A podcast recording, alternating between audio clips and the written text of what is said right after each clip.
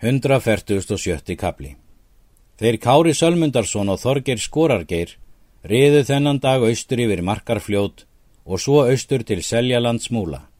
Þar fundu þeir konur nokkurar. Þar kendu þá og mæltu til þeirra. Minna gemsi þið en þeir siffú sinir, en þó farið þið óvarlega. Þorger mælti. Hví er ykkur svo statt til siffú svona, eða hvað vitið þið til þeirra? Þeir voru í nótt að rauvarfelli, sögðu þær, og ætluði í kveld í Mídal. En það þótt okkur gott, er þeim var þó ótti að ykkur og spurðu nær þið myndu heim koma. Þá fóru þær leið sína, en þeir keirðu hestana. Þorger meldi. Hvað er þér næst skapi? Vilt þú að við rýðum eftir þeim? Kári svarar. Egi mun ég þess letja. Þorger meldi. Hvað skulum við ætla okkur? Egi veit ég það, segir Kári. Kan þá oft verða að þeir menn lifa langan aldur, er með orðum eru vegnir. En veit ég hvað þú mynd þér ætla? Þú mynd ætla þér átta menn og er það þó minna en það, er þú vóst á sjö í skorinni og fórst í festi ofan til þeirra. En yður frændum er svo háttað að þér viljið yður allt til ágætti skera. Nú mun ég eigi minna að gera, en vera hjá þér til frásagnar. Skulum við nú og tveir einir eftir ríða, því að ég sé að þú hefur svo til ætlað. Síðan riðu þeir austur hið evra og komu ekki holdt því að Þorgir vildi ekki að bræðrum hans mættu umkenna hvað sem í gerðist. Þeir riðu þó austur til Mítals. Þar mættu þeir manni nokkurum og hafði torf hrip á hrossi. Hann tók til orða. Og fámennur ert þú nú, Þorgir félagi. Hvað er nú í því, saði Þorger. Því, sagði sjá, að nú bæri veið í hendur.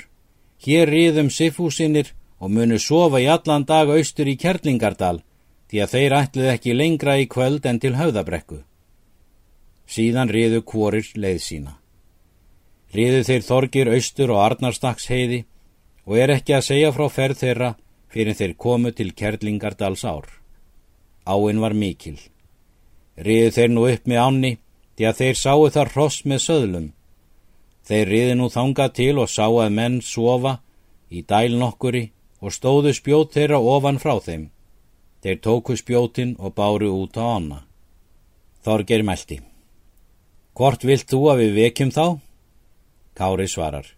Egi spyrðu þessa, af því að eigir hafir þú þetta áður ráði með þér, að vega eigað liggjandi mönnum og vega skammarvík. Síðan æftu þeir á þá. Vöknuðu þeir þá og hljópu upp allir og þrýfa til vopna sinna. Þeir kári réðu eigi á þá fyrir en þeir voru vopnaðir. Þorgeir Skorargeir hleypur þar að sem fyrir var Þorkell Sifússon. Í því byli hljóp maður að baki honum og fyrir hann gæti unni Þorgeir í nokkurt geig þá reytti Þorgeir tveim höndum öksina rimmugíi og raki höfu þeim öksarhamarinn er að baki honum stóð svo að hausin brotnaði í smán móla. Fjell sá þegar og var dauður, en er hann reytti fram öksuna hjó hann á ökst Þorkalli og klauf frá ofan alla höndina og fjell Þorkell dauður niður. Í móti kárar ég mörður Sifússon og Sigurður Lambasson og Lambi Sigurðarsson. Hann hljópað baki kára og lagði til hans spjóti.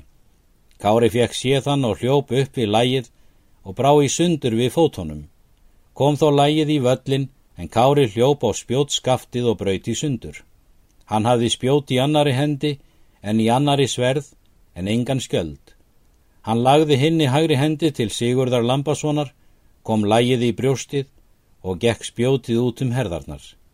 Fjallan þá og var þegar döður. Hinn í vinstri hendi hjó hann til Marðar Sifússonar og kom á mjöðmina og tók hann í sundur og svo hrygginn fjallan áfram og þegar döður. Eftir það snýrist hann á hæli, svo sem skaft kringla og aðlamba Sigurðarsinni, en hann fekk það eitt fangaráðið að hann tók á rás undan. Nú snýri Þorger í móti leiðolfi hinnum sterka og hjóðar hvort til annars jafnsnemma og var svo mikið högg leiðols að allt tók af skildinum, það er nam. Þorger hafði högg við tveim höndum með auksinni rimmugíi og kom hinn efri hyrnan í skjöldin og klopnaði hann í sundur, en hinn fremri hyrnan tók viðbeinað og í sundur og reist ofan í brjóstið og hól. Kári kom að í því og rak undan leiðólu fótinn í miðjulærinu. Fjell leiðólur þá og var þegar döður. Ketillur mörkmælti. Renna muni við er til hestavorra og megum við ekki við haldast fyrir ofureflismönnum þessum.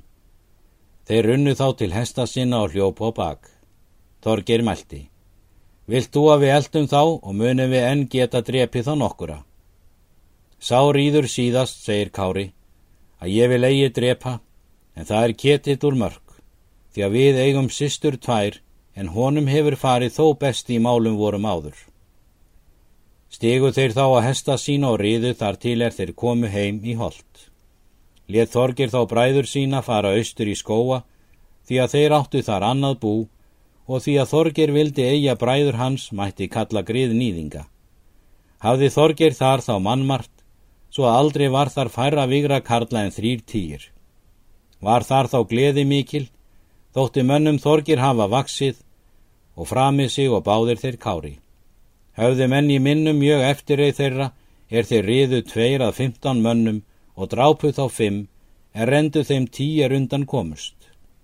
Nú er frá þeim kalla að segja að þeir riðu sem mest máttu þeir til þess er þeir komu heim til Svínafells og sögðu sínar farar eigi sléttar. Flósi hvað slíks að von og er yður þetta viðvörun, segir hann, skulu þér nú aldrei svo fara síðan. Flósi var allra manna gladastur og bestur heimað hitta og er svo sagt að honum hafi flestir hlutir höfðinglega skefnir verið. Var hann nú heima um sumarið og svo um veturinn en um veturinn eftir jól kom Hallur á síðu austan og Kólur són hans. Flósi var fegin komu hans. Töluðu þeir oft um málaferðin. Sagði Flósa að þeir höfðu mikið afhróð nú goldi þegar. Hallur hvað snargætur orðið hafa málum þeirra. Flósi spurði hann þá ráðs hvað honum þætti þá líkast. Hallur svarar. Það leggir til ráðs að þú sættist í þorgir ef kostur er og mun hann þó vera vandur að allri sætt.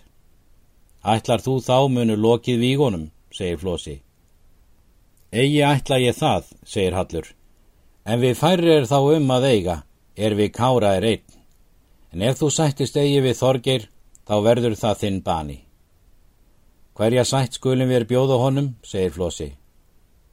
Hörð mun yður svo þykja, segir Hallur, er hann mun þykja því aðeins mun hann sættast vilja, nema hann gjald ekki fyrir það er hann hefur afgert, en taki bætur fyrir njál og sónu hans að sínum þriðjungi. Hörð sætt er það, segir Flósi. Ekki er þér sjá sætt hörð, segir Hallur, því að þú átt ekki víksmál eftir Sifúsónu og eiga bræður þeirra víksmál eftir þá, en hámundur hinn haldi eftir són sinn. En þú mynd núna á sættum við Þorgeir því að ég mun ríða til með þér og mun þorgir mér nokkurnin vel taka.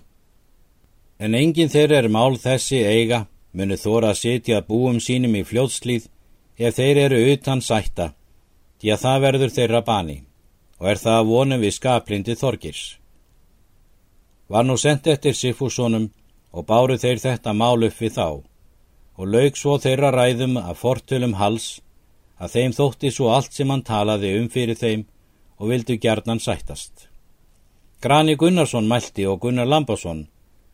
Sjálfrátt er oss ef Kári er einn eftir að hann sé eigi óhrættari við oss en við er við hann. Ekki er svo að mæla, segir Hallur. Mun yður verða sárkeift við hann og munu þér mikið afhróð gjalda áður en líkur með yður. Síðan hættu þeir talinu.